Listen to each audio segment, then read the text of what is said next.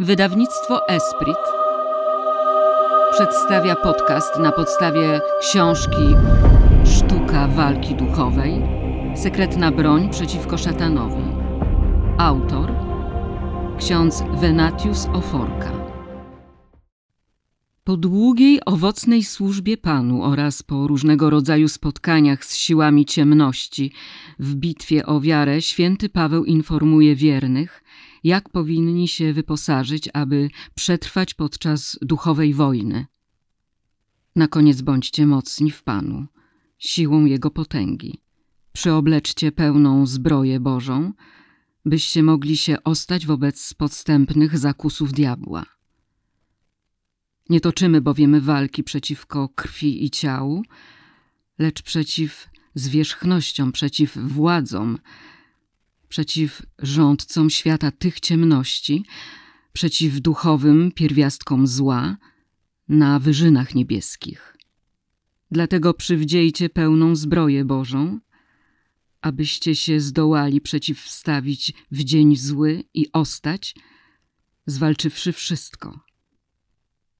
Stańcie więc do walki, przepasawszy biodra wasze prawdą i oblukłszy pancerz, którym jest sprawiedliwość, a obuwszy nogi w gotowość głoszenia dobrej nowiny o pokoju.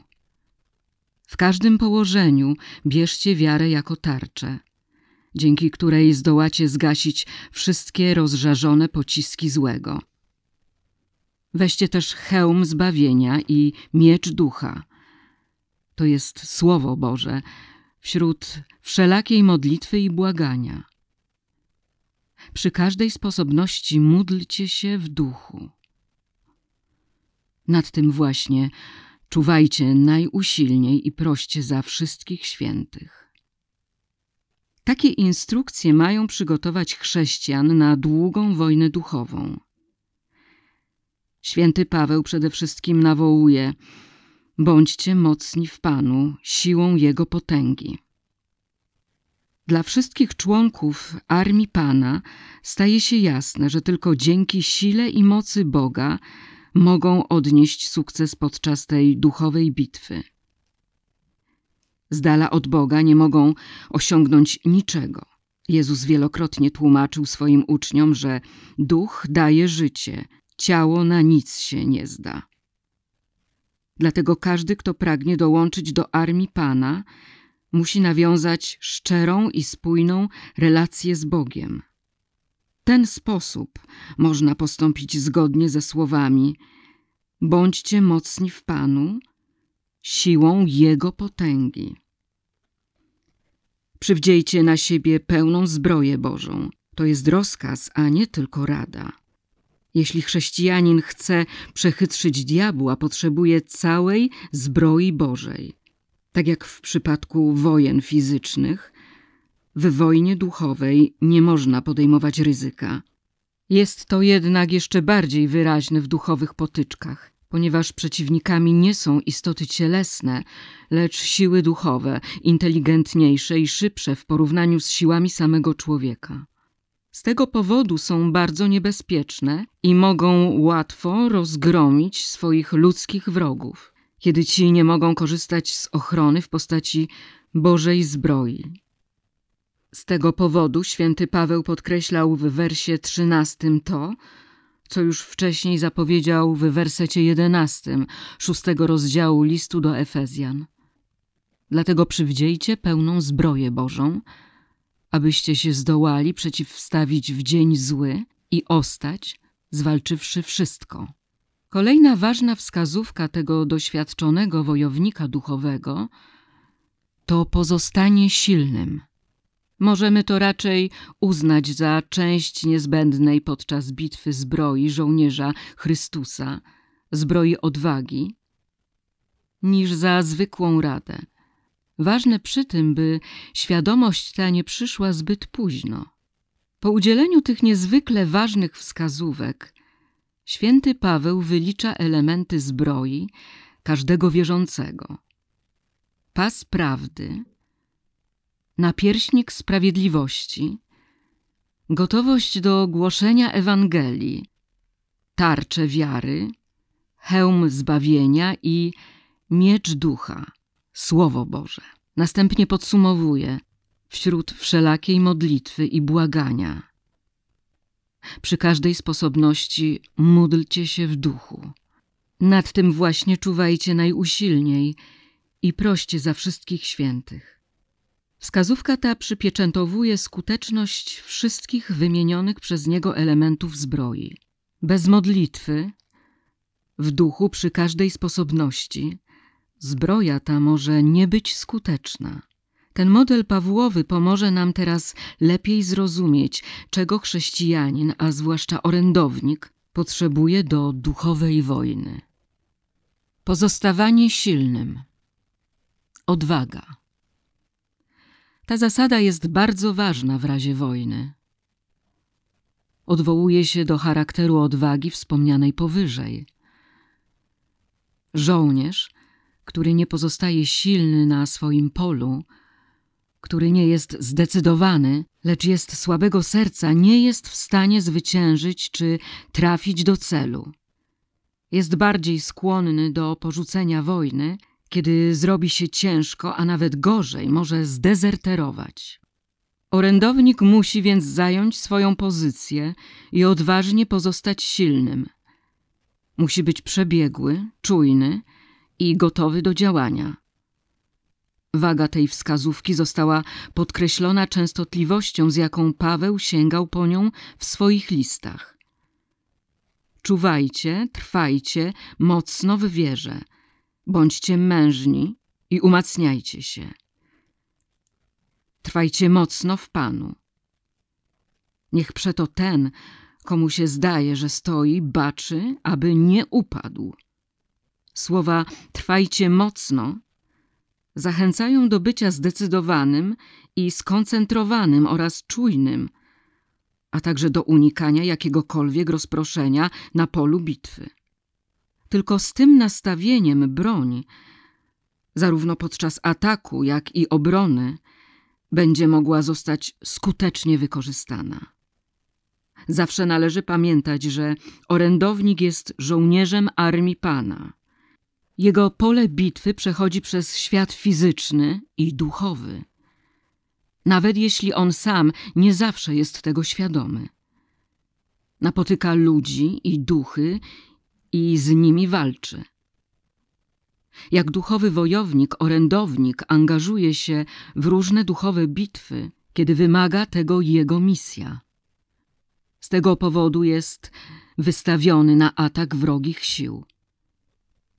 Jego rodzina oraz wszyscy bliscy są narażeni na niebezpieczeństwo, ponieważ kiedy kurczak zostaje złapany, kwoka staje się łatwą ofiarą. Taka sytuacja mogłaby zasiać strach w sercu orędownika.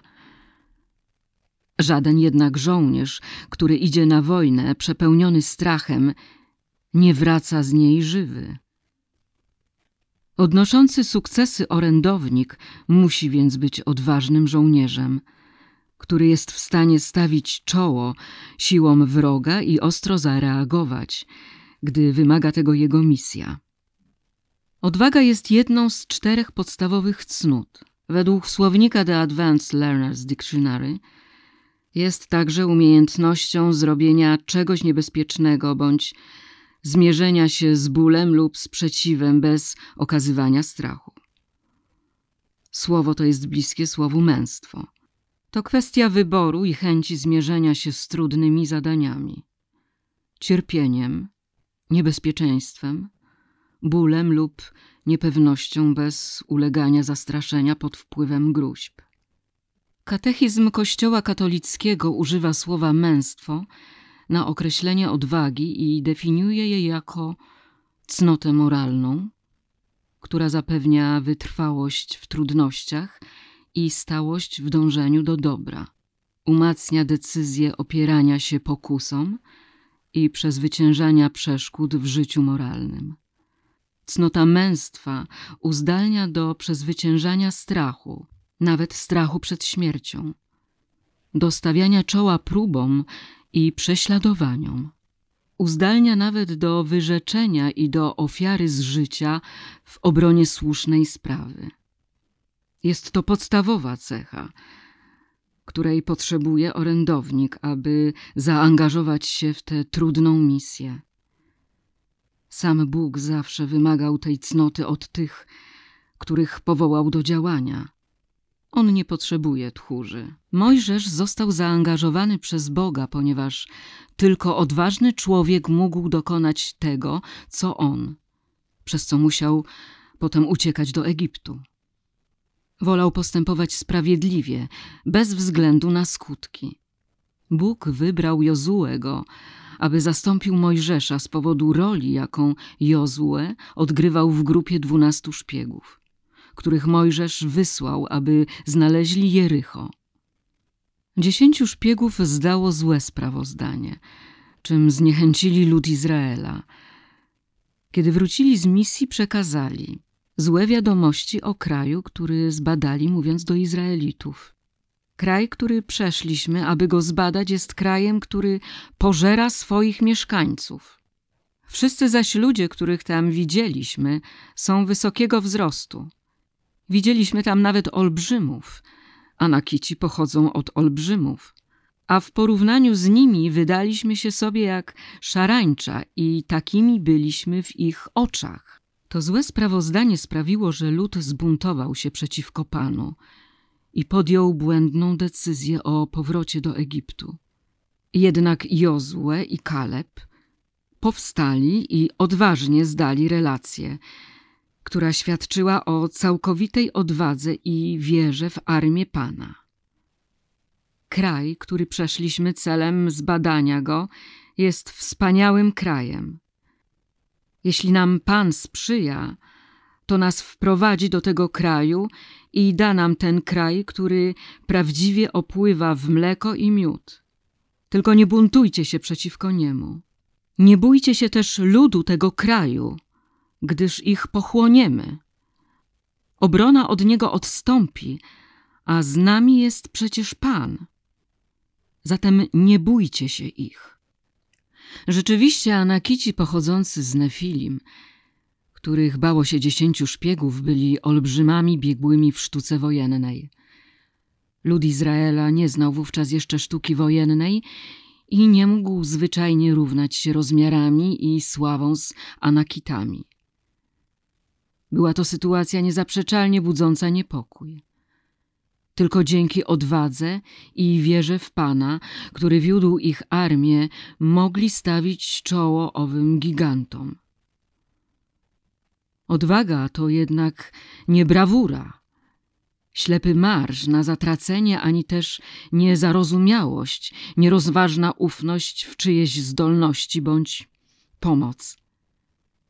Odwaga to rozsądna wiara we własną umiejętność dążenia do uzasadnionego celu na polu, na którym Bóg nieodzownie zapewni wsparcie. Taką odwagę okazali Jozue i Kaleb. Dlatego, kiedy Bóg wybrał Jozuego, aby zajął miejsce Mojżesza, wiele razy powtarzał mu: Czyż ci nie rozkazałem? Bądź mężny i mocny. Nie bój się i nie drżyj, bo z tobą jest Pan, Bóg twój, wszędzie, gdziekolwiek pójdziesz. Dawid był namaszczonym królem Izraela. Z tego samego powodu. Pan zobaczył jego odwagę i wiedział, że znalazł człowieka, który poprowadzi jego lud oraz zapewni mu bezpieczeństwo i pokój. Gdy Dawid opowiadał o sobie Saulowi, powiedział: Kiedy sługa twój pasał owce u swojego ojca, a przyszedł lew lub niedźwiedź i porwał owcę ze stada. Wtedy biegłem za nim, uderzałem na niego i wyrywałem mu ją z paszczęki. A kiedy on na mnie napadał, chwytałem go za szczęki, biłem i uśmiercałem.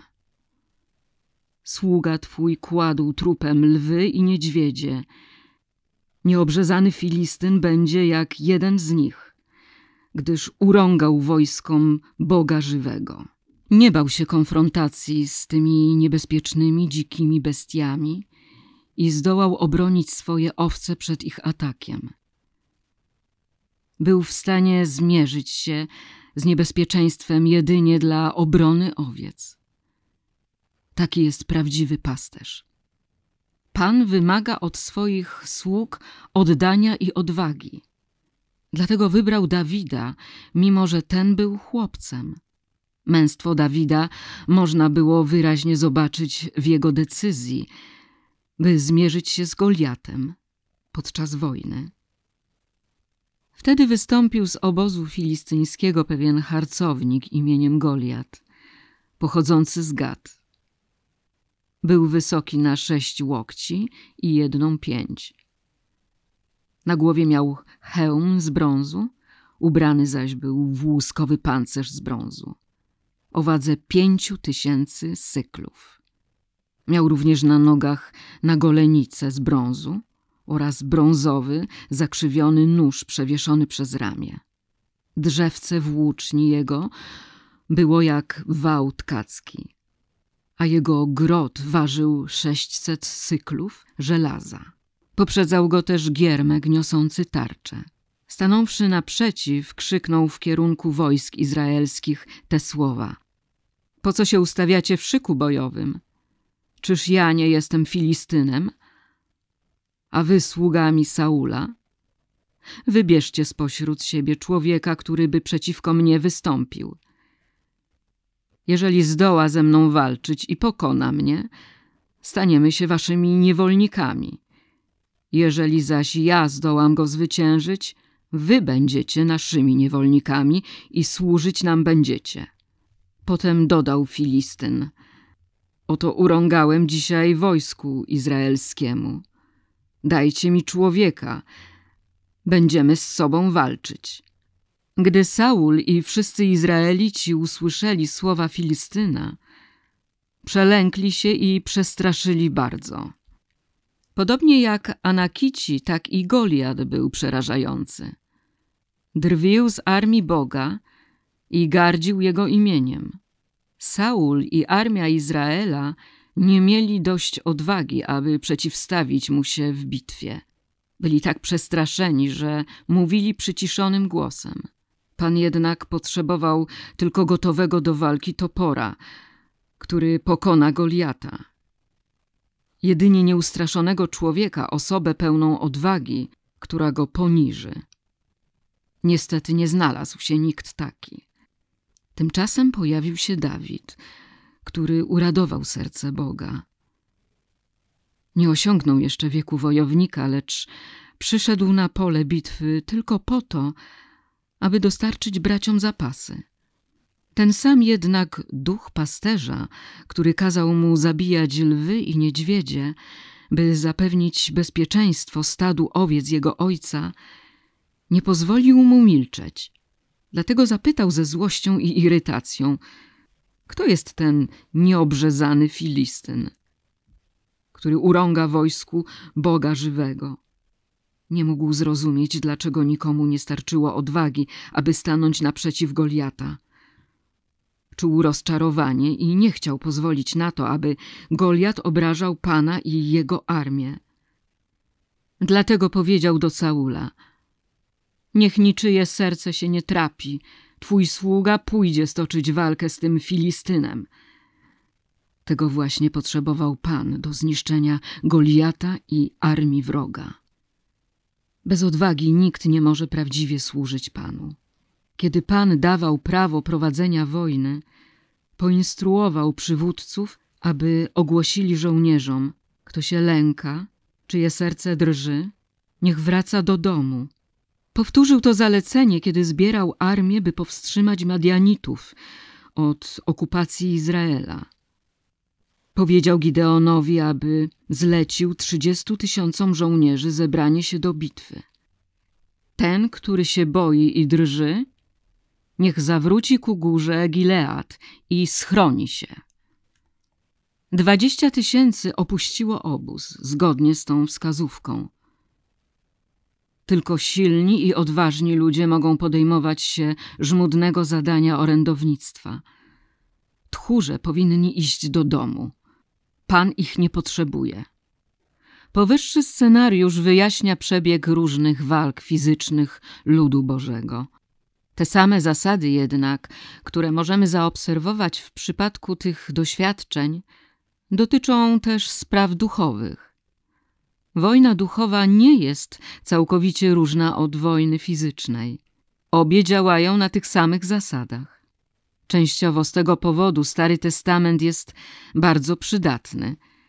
Czasami ludzie nie rozumieją, dlaczego Bóg wysłał ludzi na wojnę i kazał im zabijać, co często jest opisywane w Starym Testamencie.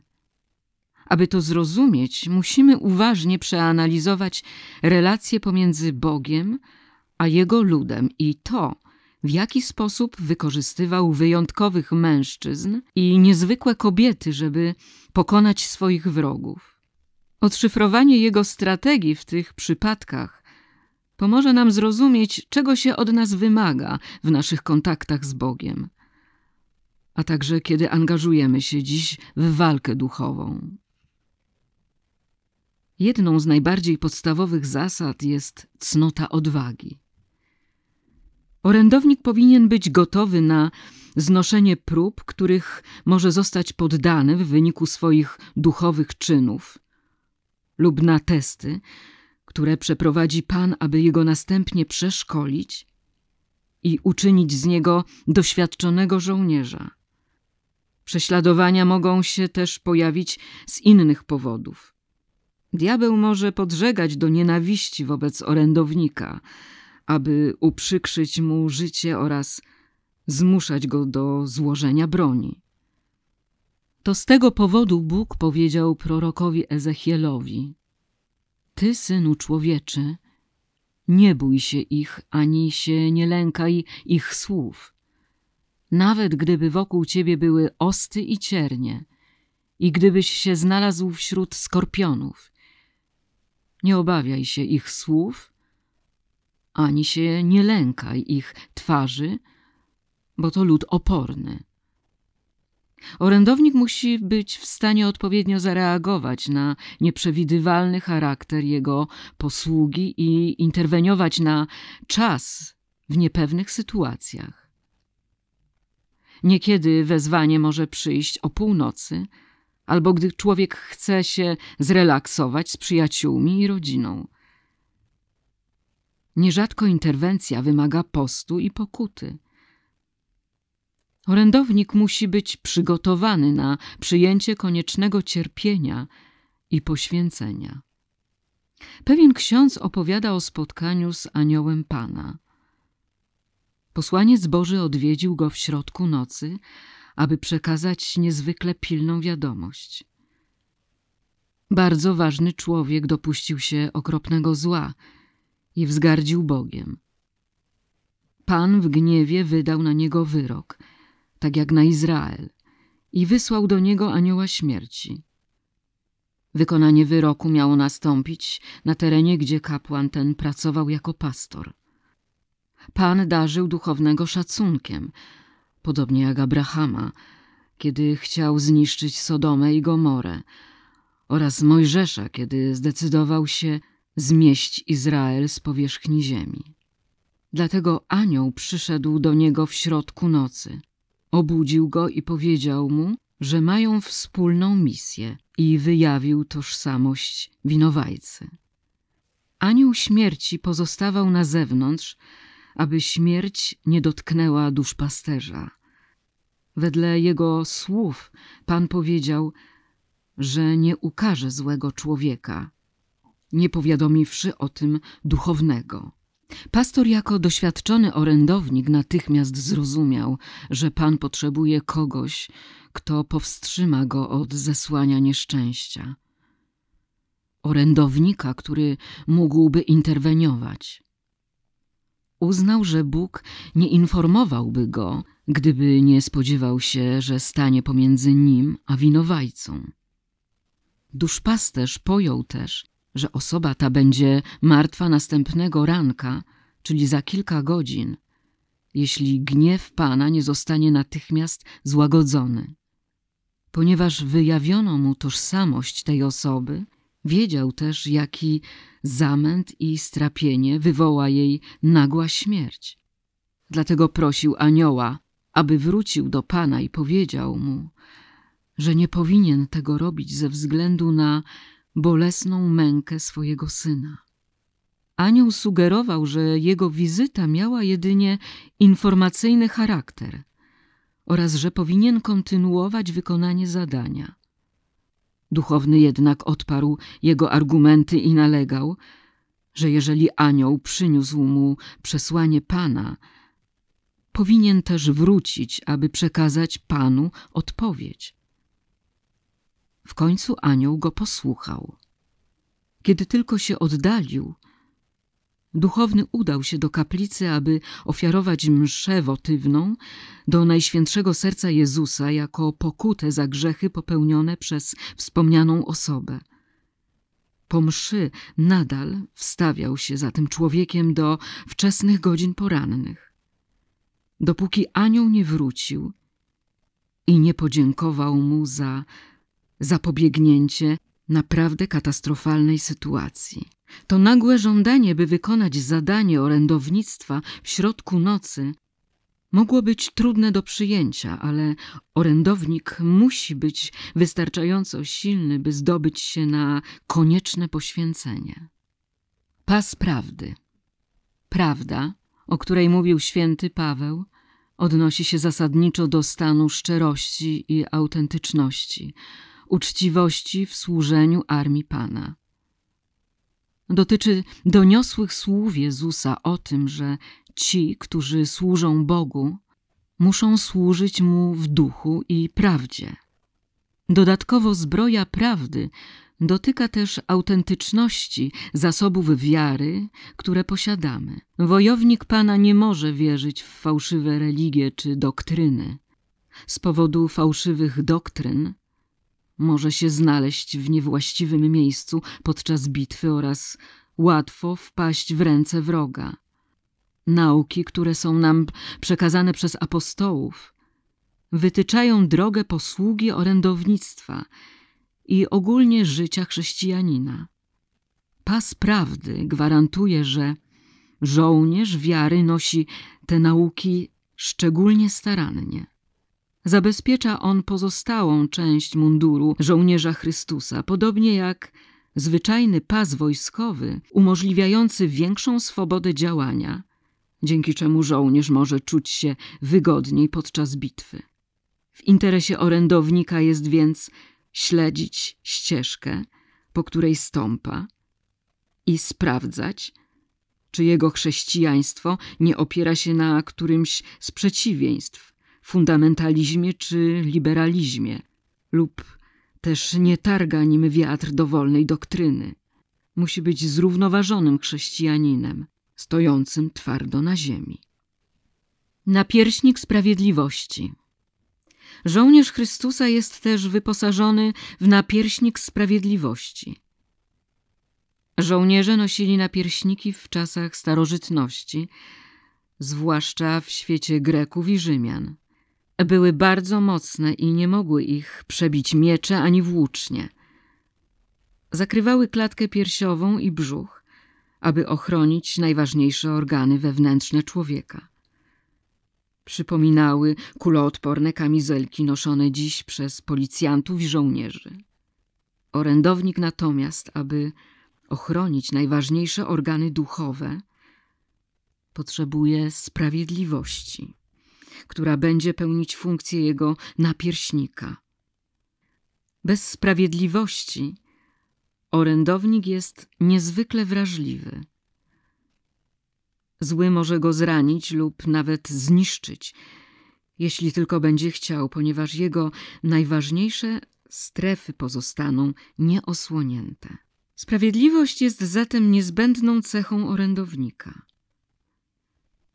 nie tylko daje mu ochronę przed knowaniami złego ducha, ale też sprawia, że jego modlitwy są skuteczniejsze. Dzieje się tak, ponieważ grzech jest dla Boga czymś okropnym. Oczy Pana są zbyt święte, by patrzeć na zło, a ofiara niegodziwego jest dla Niego odrażająca, ale podobają Mu się modły uczciwych. Bóg czuje się obrażany i wyśmiewany, kiedy staje przed Nim grzesznik ze swoimi prośbami, nie okazując wcześniej pokory, ani nie wyznając swoich grzechów. W takim wypadku niesprawiedliwy orędownik nie może osiągnąć celu swojej misji. Modlitwa wytraci tłum zuchwałych i skruszy berła niesprawiedliwych. Odda człowiekowi według jego czynów, dzieła zaś ludzi osądzi według ich zamiarów. Jeśli sprawiedliwość wywyższa naród, może ona też wywyższać modlitwę orędownika. Bóg jest święty, a ci, którzy go spotykają, muszą też mieć świętą naturę. To dlatego zalecił: Będziecie dla mnie święci, bo ja jestem święty. Ja, Pan, i oddzieliłem was od innych narodów, abyście byli moimi. Nie może się więc przed nim znaleźć nic nieczystego. Akceptuje tylko tych, których obecność jest dla niego przyjemna. Żaden nieczysty człowiek nie sprawi mu przyjemności. W liście do Hebrajczyków wspomniano, że bez uświęcenia nikt nie zobaczy Pana. Nikt z dawnych wielkich orędowników nie lekceważył świętości. Kiedy Daniel przebywał w Babilonie podczas wygnania Żydów, bardzo uważał, aby nie pokalać się pogańskimi posiłkami i kulturą. Zasadniczo umacniało to jego modlitwy za lud. Eliasz odmówił uczestnictwa w ohydzie swoich czasów, dzięki czemu mógł wpłynąć modlitwą na decyzję Boga dotyczącą ziemi. Dawid był człowiekiem miłym sercu Bożemu. Kiedy jednak cudzołożył z żoną Uriasza Hetyty i zabił go, aby ukryć swój grzech, Pan potraktował go bardzo surowo. Sytuacja ta może pomóc nam zrozumieć, dlaczego Maryja, matka Jezusa, jest naszą najlepszą orędowniczką. Jest pełna łaski i świętości. Z tego powodu jej orędownictwo przynosi skutek z szybkością błyskawicy. Jest więc wskazane, by orędownik dążył do świętości. Bóg wymagał w przeszłości od swoich ludzi uświęcenia, co doskonale określa, na czym mu naprawdę zależało. Gdy lud Izraela wciąż wędrował ku ziemi obiecanej, Pan dał mu następujące polecenie. Pod wieczór wymyje się, a o zachodzie słońca może wrócić do obozu. Będziesz miał miejsce poza obozem. I tam, poza obóz, będziesz wychodził. Zaopatrzysz się w kołek, a gdy wyjdziesz na zewnątrz, wydrążysz nim dołek, a wracając przykryjesz to. Czegoś się pozbył, gdyż Pan Bóg Twój przechadza się po Twoim obozie, aby chronić Ciebie, a wrogów na łup Twój wydać. Stąd obóz Twój musi być święty. Pan nie może w nim ujrzeć nic odrażającego, aby się nie odwrócił od Ciebie. Ludzie zostali ostrzeżeni przed odrażającym, przez co Bóg mógłby sprowadzić na nich wrogów. Zostało to tu przedstawione jako warunek wstępny zwycięstwa. Konsekwencje nieprzyzwoitości byłyby właściwie katastrofalne. Gdyby lud został otoczony przez wrogów, ratunek byłby niemożliwy. Bóg nigdy nie przestał wymagać świętości od tych, którzy się z Nim spotykają. Kiedy chciał spotkać się ze swoim ludem na górze Synaj, pouczył Mojżesza: Idź do ludu i każ im się przygotować na święto dziś i jutro. niechaj wypiorą swoje szaty i niech będą gotowi na trzeci dzień, bo dnia trzeciego stąpi Pan na oczach całego ludu na górę Synaj. Wszędzie, gdzie pojawia się Pan, musi być przyzwoitość i świętość. Ten standard się nie zmienił. Jeśli więc ten poziom fizycznej czystości był wymagany od ludu Bożego w Starym Testamencie, o ile więcej duchowej przyzwoitości oczekuje się od dzieci z Nowego Testamentu, a zwłaszcza od orędowników. To dlatego święty Paweł szuka tylko ludzi, którzy mogą unieść ręce czyste podczas modlitwy. Jeśli orędownik nie jest w stanie przestrzegać tej zasady, nie może uczestniczyć w posłudze wstawiennictwa, chyba że najpierw odpokutuje grzechy i powróci do Pana jak Dawid. Czystość jest mocą. Może być wielkim skarbem dla orędownika. Każdy, kto pozostaje niezbezczeszczony, stanowi wielkie wyzwanie dla sił świata podziemnego. Ma w sobie piękno podobne do piękna niepokalanej Maryi. Piękno to oślepia diaboliczne postacie. Orędownictwo takich osób zawsze było płomienne. Dziewiczość i czystość to silne duchowe cechy w przypadku posługi orędownictwa. Czy ktoś pamięta kobiety w życiu Eliasza, Elizeusza, Daniela czy Saula? Żonaci orędownicy tacy jak Mojżesz, Jozue i Samuel odnieśli sukces, ponieważ pozostali nieskalani. Takie poświęcenie jest wymagane od każdego orędownika, który pragnie, by jego modlitwy były wysłuchane. Jest to jednak tylko część tego, co czyni człowieka świętym. Orędownik potrzebuje świętości w ujęciu holistycznym. Od żołnierza Chrystusa wymaga się, aby włożył swoje buty. Oznaczają one gotowość, która pochodzi z Ewangelii pokoju, jak pisze święty Paweł. Oznacza to, że orędownik musi mieć w sobie zapał do szerzenia Chrystusowej nauki, zgodnie ze swoim stanem i darami. Posługa orędownictwa jest jednym z głównych sposobów działania. Dlatego orędownik wkłada swoje buty, kiedy z zapałem się angażuje w to, aby wielu doświadczyło boskiego dotyku dzięki jego posłudze i chrześcijańskiemu życiu. Te ogromne buty zapału do wykonania misji Ojca pozwalają orędownikowi stąpać po wężach i skorpionach bez szwanku oraz mogą przyprowadzić do Chrystusa wiele zagubionych i udręczonych dusz. Tarcza wiary. Następnie żołnierz Pana otrzymuje tarczę wiary, w którą go wyposażono, aby gasił wszystkie płonące strzały złego ducha.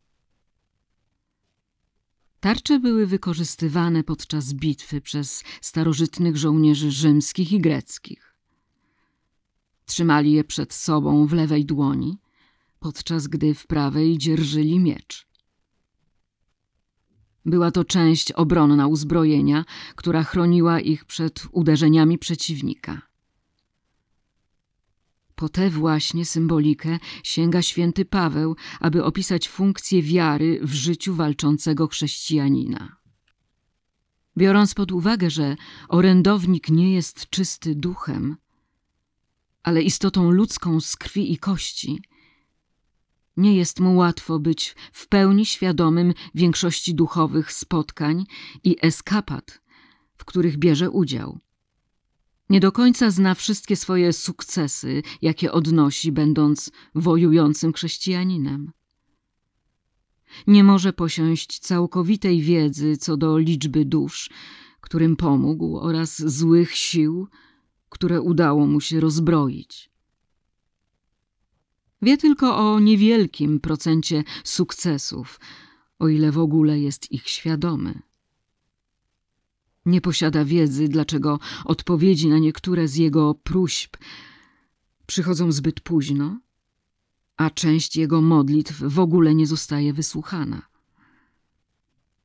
Czasami wydaje mu się, że Bóg jest na długich wakacjach, bo nie otrzymuje żadnego znaku świadczącego o tym, że Pan jest przy nim. To potrafi doprowadzić orędownika do zamętu i rozpaczy. Często sądzi, że jego wysiłki nie przynoszą odpowiednich rezultatów, a prośby nie zostają wysłuchane. Dlatego nieraz odczuwa frustrację. Może nawet czasem pomyśleć, że Bóg nie szanuje jego wysiłków. Z tego właśnie powodu orędownik nie powinien działać, kierując się tym, co widzi, lecz tym, w co wierzy. Musi bezgranicznie wierzyć i ufać Panu, któremu służy. Dlatego wiara jest niezbędną częścią wyposażenia orędownika. Wedle nauki katolickiej, przez wiarę człowiek poddaje Bogu całkowicie swój rozum i swoją wolę. Całą swoją istotą człowiek wyraża przyzwolenie Bogu objawicielowi. Wiara to całkowite zaufanie Bogu. Bóg jest ośrodkiem posługi orędownika. Posiada całkowitą wiedzę dotyczącą rzeczywistości i jest gotów podjąć jak najlepsze decyzje dotyczące swojego stworzenia, a zwłaszcza człowieka, podczas gdy orędownik jest tylko niewielkim, aczkolwiek ważnym instrumentem o bardzo ograniczonej wiedzy na temat rzeczywistości i tego, jak działają prawa istnienia. Dlatego orędownik musi podporządkować się mądrości Pana – który podejmie decyzję niezależnie od jego pragnień i propozycji. Zatem przed uczestnictwem w misji orędownik musi się poddać całkowitej władzy i woli Pana oraz zawsze być gotów trwać w tej postawie.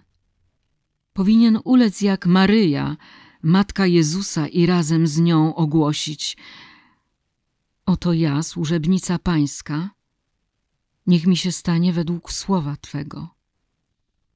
Wiara polega na ufności w to, że Pan jest wszechmocny i wszechpotężny. Potwierdza, że On wszystko może uczynić i że nie ma dla Niego nic niemożliwego. Pozwala to orędownikowi w każdych okolicznościach zdawać sobie sprawę z tego, że Bóg ma nad wszystkim całkowitą kontrolę. Nawet jeśli się wydaje, że nie reaguje lub nie odpowiada, Bóg nieustannie jest za wszystko odpowiedzialny. Dzięki wierze orędownik rozumie, że drogi Boga nie są naszymi drogami oraz że On wyznaczył termin dla każdego ze swoich dzieł. Wiara sprawia, że Słowo Boże, zawarte w lamentacjach, staje się faktem. Nie wyczerpała się litość Pana. Miłość nie zgasła. Odnawia się ona co rano. Ogromna jest Twoja wierność. Orędownik powinien wierzyć w Bożą wierność całą swoją istotą oraz być całkowicie przekonanym, że Bóg nie zawodzi tych, którzy pokładają w nim nadzieję. Kiedy orędownik się modli, robi to z przekonaniem, że Bóg jest lojalny i ufa, że także zachowa się lojalnie. Możemy posłużyć się przykładem proroka Eliasza, aby zilustrować to, jak orędownik wykorzystuje wiarę podczas działania. Kiedy Eliasz po walce na górze Karmel oraz masakrze proroków Baala modlił się o deszcz dla pokutującego Izraela, wziął udział w boskiej radzie.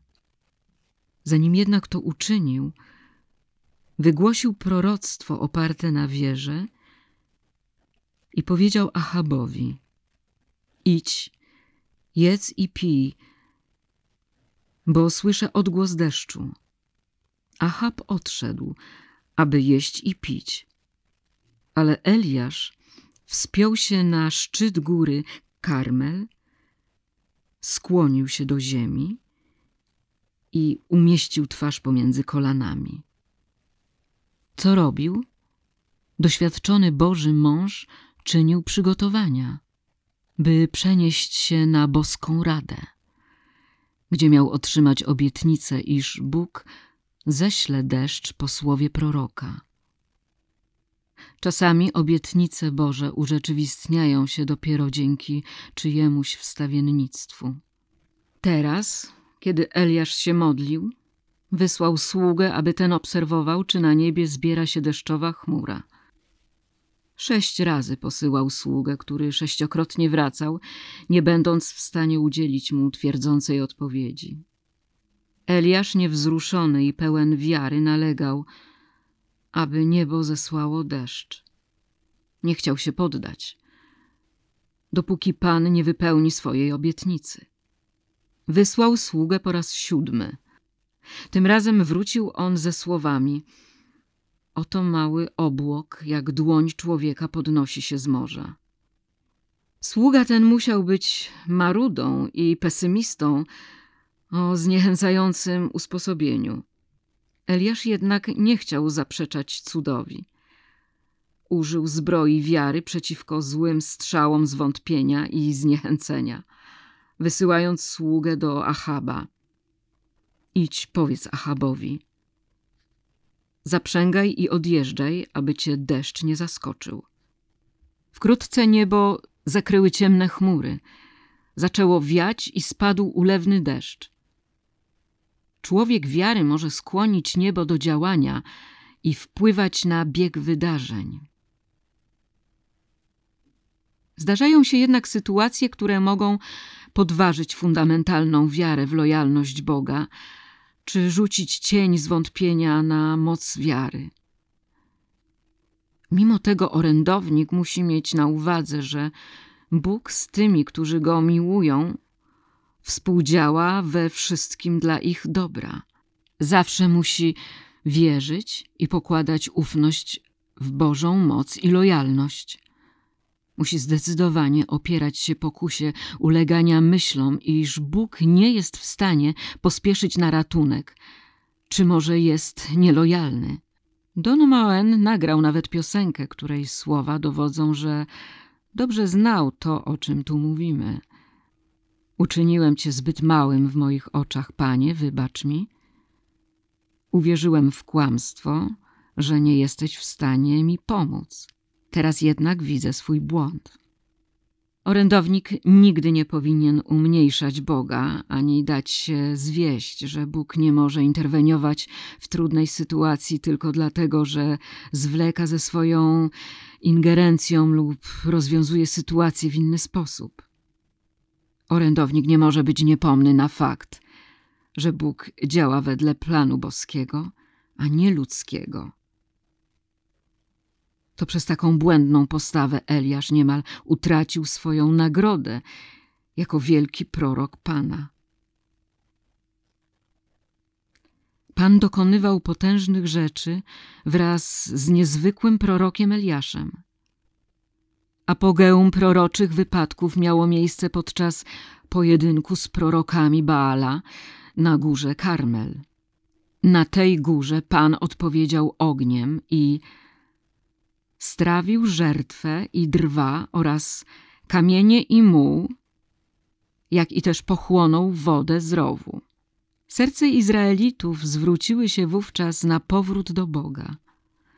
Przyznali, naprawdę Pan jest Bogiem.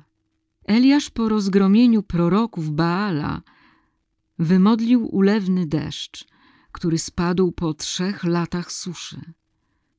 Kiedy Izabel usłyszała o tym, co Eliasz zrobił jej prorokom, wysłała do niego wiadomość, przysięgając: Niech to sprawią bogowie i tamto dorzucą, jeśli nie zrobię jutro z Twoim życiem tak, jak się stało z życiem każdego z nich. Kiedy Eliasz to usłyszał, stracił pewność siebie, stał się słaby. Potężny wojownik pana wystraszył się i zaczął uciekać, walcząc o życie. Dlaczego Eliasz się wystraszył? Przed czym uciekał? Czy uwierzył, że ten, który pokazał swoją potęgę na wiele sposobów podczas jego posługi proroka, nie był teraz w stanie ochronić go przed niegodziwością Izabel? Można to zinterpretować jako umniejszenie Boga w jego oczach. Stracił odwagę jako wielki prorok i orędownik. Nie potrafił unieść tarczy wiary przeciwko intrygom wroga. Zostało to źle przyjęte przez Pana. Bóg postanowił sprawdzić odwagę i wiarę Eliasza przed powierzeniem mu kolejnych zadań, czy też przyznaniem mu nagrody. Z tego powodu wezwał go, aby spotkał się z nim na górze. Tam Pan zamierzał rzucić mu wyzwanie w postaci testu, który miał wykazać, czy Eliasz jest odważnym, wierzącym prorokiem Boga żywego, czy też tchórzliwym i niewiernym jego sługą. Nagroda Eliasza miała zależeć od wyniku tego testu. Kiedy Eliasz wspiął się na górę, zamiast, jak się spodziewał, spotkać Pana, odczuł silny wiatr, który wiał tak mocno, aż szczyt zaczął się kruszyć, a skały opadać. Potem nastąpiło trzęsienie ziemi i wybuchł pożar. Było to niewątpliwie stresujące przeżycie. Niewierzący sługa Boży mógłby pomyśleć, że Boga tam nie ma, mimo że wcześniej umówił się na spotkanie. Potraktowałby wówczas Boga jako kłamcę. Sytuacja rzeczywiście mogła budzić wątpliwości co do lojalności Pana w umysłach takich sług Bożych jak Eliasz. Tchórzliwy wyznawca zbiegłby z góry i zrezygnował ze spotkania z Panem natychmiast po pojawieniu się trąby powietrznej, która była pierwszym etapem boskiego testu. Naturalnie Eliasz z jednej strony czuł pokusę ucieczki podczas tej okropnej konfrontacji, z drugiej strony jednak zdawał sobie sprawę, że postąpiwszy w taki sposób stałby się tchórzliwym i niewiernym prorokiem u schyłku swojej posługi. Na pewno powiedział sobie: Bóg jest lojalny. Jeśli mnie wezwał, to pewnie on sam stoi za tym przerażającym zjawiskiem.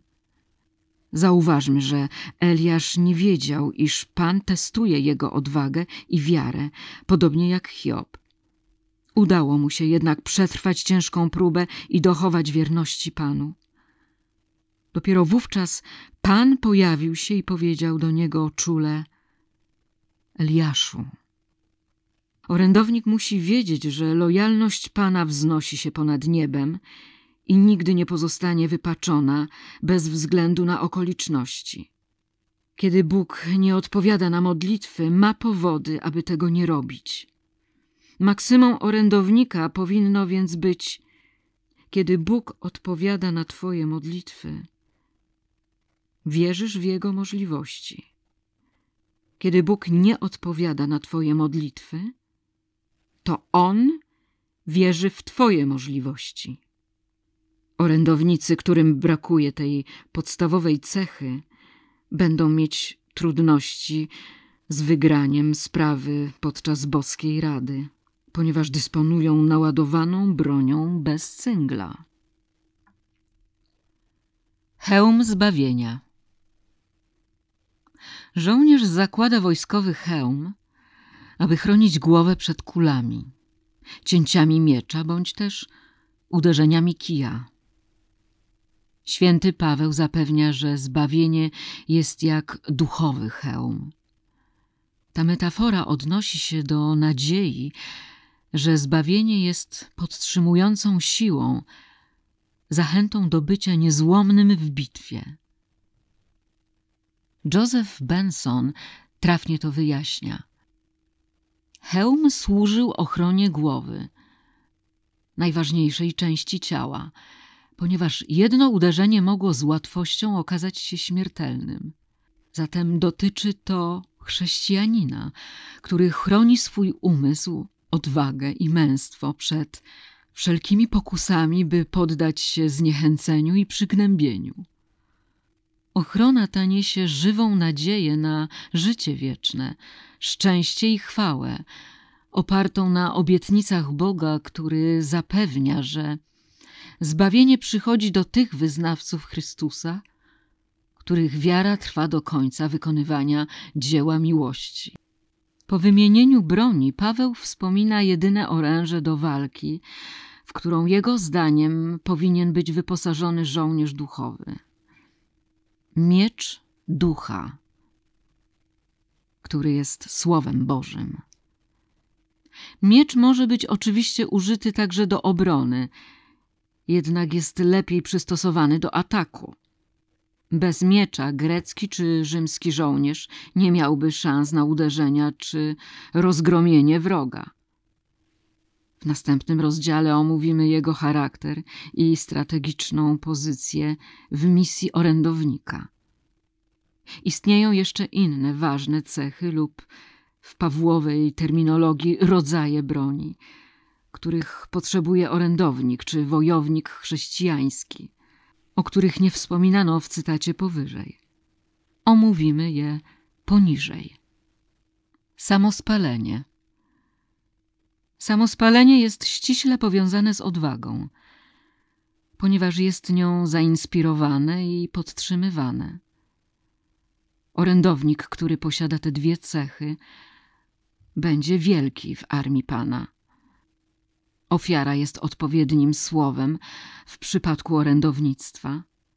Dzieje się tak, ponieważ orędownictwo wymaga bezinteresownego oddania i służby innym. Żaden orędownik nie mówi zbyt wiele o sobie. Nie pozwala też, by egoizm zdławił jego potrzebę wstawiania się za innymi. Pewnego chłopca w wieku szkolnym zapytano kiedyś, jakimi częściami mowy są wyraz mój i mojego. Odpowiedział, że są to zaimki agresywne. Rzeczywiście, są one agresywne. Jeżeli orędownik pozostaje przywiązany do swojego ja, jest w agresywny sposób samolubny, a jego posługa orędownictwa pozostaje upośledzona. Każdy orędownik jest jak świeczka, która nie może emanować światłem, nie wypalając się, lub jak sól, która nie może oferować smaku, nie rozpuszczając się i nie zmniejszając swojej objętości. Posługa orędownictwa wymaga poświęcenia siebie. To ogromna ofiara, która nie może być łatwa. Dlatego Jezus podkreśla w Ewangelii świętego Jana, że ziarno pszenicy pozostanie tylko ziarnem, jeśli upadnie na ziemię i nie obumrze. W ten sposób Pan ujawnia, że życie możliwe jest tylko po śmierci. Ziarno pszenicy jest bierne, a przez to jałowe, dopóki się je przechowuje w bezpiecznym miejscu. Dopiero kiedy trafi na zimną ziemię, w której zostanie pogrzebane niczym w grobowcu, może przynieść owoce. Według Tertuliana, chrześcijańskiego teologa z II wieku, krew męczenników jest nasieniem chrześcijan. Podobnie jak zasiane ziarno, Kościół kiełkuje na nowo z ziemi i wydaje owoce. Podobnie Jezus umarł, aby nas uratować.